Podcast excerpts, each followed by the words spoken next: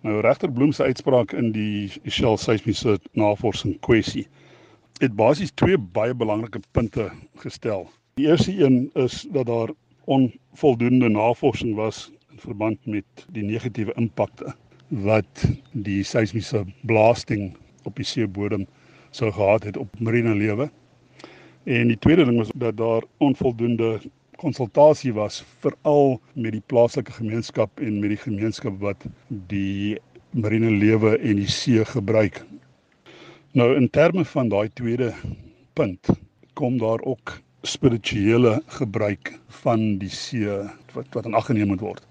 En dit is nou definitief iets wat ek uitgevind het toe ek my navorsing langs die Willekus gedoen het dat die see baie belangrik is vir mense en, en dit is goed wat mense langs die Willekus ook vir my gesê het toe ek die vrae aan hulle stel hoe belangrik is die see vir jou baie van die Amampondo en die Amaklosse wat daar langs die Willekus woon glo dat hulle voorvaders in die see is, onder die rotse en diep in die see. En vir hulle is dit baie belangrik om met hulle voorvaders te praat. Hulle glo natuurlik dat hulle voorvaders in die see woon in baie plekke soos Hole in the Wall en hier in die Oslon area Cove Rock of of terwyl Gompo Rock soos hulle dit hier noem. Die voorvaders woon onder die rotse en dis belangrik om met met hulle te kommunikeer daar was ook een van die aansoekers in die hofsaak wat gepraat het van hoe belangrik dit was om see toe te gaan om homself skoon te was te, te reinig en om daai seewater te gaan haal sodat hulle dit nou kan terugvat al het hy 15 km weggebly van die see af. En uh daaroor is dit is dit natuurlik baie belangrik om te besef dat die see nie net 'n waarde het in terme van benutting van die bronne van die vis en van die, die skulpvisse en so aan, maar ook van die geestelike en spirituele gelowe wat die Amaklosa en die Amampondo wel het van die see. Dr. Dufte Villiers, sedert 2007 hoof van die Groen Skerpioene in die Oos-Kaap en jy het nou baie lank navorsing gedoen van daar jou doktorsgraad juis oor die inkorporering van die plaaslike gemeenskappe by die bewaring aan die wilde kus. En dit was nou alles voordat Shell gesê het hulle gaan seismiese opnames doen om te kyk of daar olie en gas aan die kus is. Um hoeveel jare het dit jou gevat voordat jy kon kom met jou navorsing om te sê dat die see het werklik spirituele waarde vir die plaaslike gemeenskappe en dan ander aspekte ook. Jy het ook genoem die belangrikheid van beeste, want dit val nou weer in lyn met die mense wat sê die omgewingsimpakstudies is nie goed genoeg gedoen voordat hulle met die seismiese opnames wou begin. Ja, dit is eintlik toevallig dat ek my navorsing klaar gemaak het hier net so 'n paar maande voordat ons, weer gehoor het dat Shell langs die Willekus met die uh, seismiese blasting en so en wat wil begin. Ek het omtrent 4 jaar gespandeer in die gemeenskappe om die navorsing te doen en my onderhoude met die stamhowe met die Amakosi en met die hoofmanne wat langs die Willekus bly en in beheer is van die grond vanaf die KwaZulu-Natal grens tot hier onder in die Kaimond area. Al het ek net 4 jaar met die stamhoofde en tradisionele leiers en mense gepraat vir die navorsing is ek al meer as 30 jaar besig om langs die kus bewaring toe te pas en deur daai tyd het ek al weet baie met die plaaslike bevolking in aanraking gekom en gesels oor die see en oor die benutting van die hulpbronne Ek moet beklemtoon ek is nie 'n kenner op die see en seelewe nie. Ek uh, werk in wetstoepassing en ek werk meestal binnelands van die see af. Wat ek wel kan sê is dat enige impakstudie wat gedoen word, gewoonlik 'n lang tydperk duur om met uh, voldoende mense te kommunikeer. Daai public participation proses soos hulle sê is uh, van kernbelang. En dan natuurlik as daar biodiversiteit is, um, endemiese spesies en so aan, dan is dit uh, belangrik om kenners te gebruik om wetenskaplikes te gebruik om vir jou insette te lewer van wat se impak dat daar miskien op baie spesies kan wees En die Willekes is een van die hotspots van biodiversity. Enorme diere en plante en so nie net op die land nie, maar ook in die see wat net daar voorkom. So dis baie belangrik om 'n detailed omgewingsstudie te doen as enige ontwikkeling en so in, in daai area gedoen gaan word. In die tweede hofaansoek was daar omtrent 10 marine ekoloë wat verklaringe gegee het om te sê dat dit heel waarskynlik gaan wees dat daar baie skade gaan wees op die marine lewe, alles van zooplankton tot walvisse. En Shell kon nie daarop antwoord nie. Maar kom ons kom terug na die spirituele waarde van die see of die belangrikheid van die see vir wat jy nou gesê het, is nie net plaaslike gemeenskappe nie. Dit gaan ook so ver as binneland toe. Terwyl ek leiers gevra het wat nou langs die Willekes woon, wat die belangrikheid van die see is, toe het elkeen van hulle gepraat van Desember en Januarie van daai tydperk wat hulle nou wel af na die strande toe wil gaan net buite Oos-London in die weste kant van Oos-London is daar 'n plek genoem Cove Rock. Die Amaklosa ken hom as Gompo. En dit is baie belangrik in in hulle kulturele en historiese gebruik van daai area, geestelik en vir hulle geloof belangrik. Hulle glo dat daar mense onder daai rots van hulle voorvaders nou nog woon. Hulle noem dit die Abantu Bomlambo, die mense van die see En ehm um, baie van hulle gaan af Cove Rock toe om daar te kamp of sommer water te drink uit die see uit. Daai tipe seremonie is belangrik vir baie van die Amaklosse en ook vir die Yamampondo wat langs die Willekes is. Hier vroeg in 1990 jare was ek as reservaatbestuurder van die Oos-London Kusreservate om Tisa Natuurreservaat en Gompo of Cove Rock het nou onder my beheer ook geval. Eendag uh, Amaklosse mense in my kantoor in ek het sommer gesien hulle sangomas en hulle is van hulle so geklee krale om hulle nekke en so aan. En uh, hulle het gevra of ek vir hulle sal toelaat om af te gaan om by Gompo te kamp.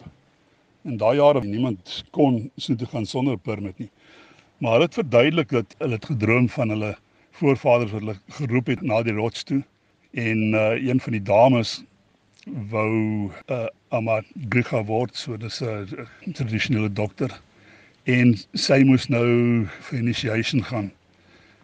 En hulle het my beloof hulle gaan niks beskadig nie. Hulle het nog gesê ek kan uitkom soontoe. Hulle gaan so 'n hele paar dae weer sê gaan in so grashut woon en ek kan gaan kyk wat daar aangaan en wat hulle doen. Wat ek toe wel gedoen het en ek het kollegas saam met my geneem, uh, Dirk Prinsloo en uh, nog 'n Amaklosa kollega Pomla Mzazi het saam met my gegaan en ek en sy en Dirk is af soontoe. Terwyl hulle nou drama gespeel het en uh, musiek gemaak en gedans het, toe begin hulle afstap na die rots toe en hulle bedui dat ons hulle moet volg. Ek en Dirk het heel ver agter gestap en hy het 'n nuwe kamera gehad, 'n nuwe Nikon en ek het so mik en druk koude kameratjie gehad en uh, ons het gesien hoe van hulle kraaltjies laat val het. En ek het nog gedink, weet hierdie ouens het nou hulle krale per toeval laat val en en die goed optel en vir hulle gee. En Dirk het nou ook so gedoen en toe skree Pomela vir ons: "Nee, Here, kan dit nie doen nie. Dis geskenke vir die voorvaders wat daar is. Die branders gaan naderhand opkom en gaan daai krale nou terugvat onder die rotse neem. Julle moet dit teruggee." En uh ja, ek was heel apologetic. Die krale nou weer neergegooi. Dirk het ook die krale daar neergesit. En van daai oomblik af het my klein kameratjie wat so mooi gewerk het, skielik nie meer gewerk nie. Ek het vir Dirk gesê, luister, hierdie is goeie environmental education foto's hierdie. My kamera werk nie meer, ek neem foto's. Nou die snaakste ding is toe Dirk nou sy foto's nou gaan laat ontwikkel en ek myne toe myne uitgekom tot daai punt waar ek nou die krale opgetel het. En Dirk se nuwe kamera wat tot daai oomblik fantasties gewerk het. Nie een van sy foto's het uitgekom nie. En dit was net daai spesifieke dag. Daarna het sy kamera weer 100% gewerk. Dis nou miskien net per toeval, maar dis daarom 'n storie om te vertel. Dan net laastens dokter De Villiers, as ons kyk na die toekoms en dat uh, die regter wel gesê het 'n volledige omgewingsimpakstudie moet gedoen word. Dink jy dit is moontlik dat diegene wat nou eksplorasie doen vir die moontlikheid van gas en oliebronne aan die Willekes, dat hulle wel die plaaslike gemeenskappe en dan wel ook die erkende leiers sal insluit by hulle omgewingsimpakstudies en dan ook rekening hou met wat vir hulle belangrik is want daar is 'n behoefte aan krag Wat dink jy sal die toekoms inhou? Ek gaan nou net nog 'n storie vertel van die Willekeus en die belangrikheid van die see vir die mense van die Willekeus en ek kan hier verwys na hole in the wall wat naby aan Coffee Bay is. So dis basies 'n gat in die muur, hole in the wall.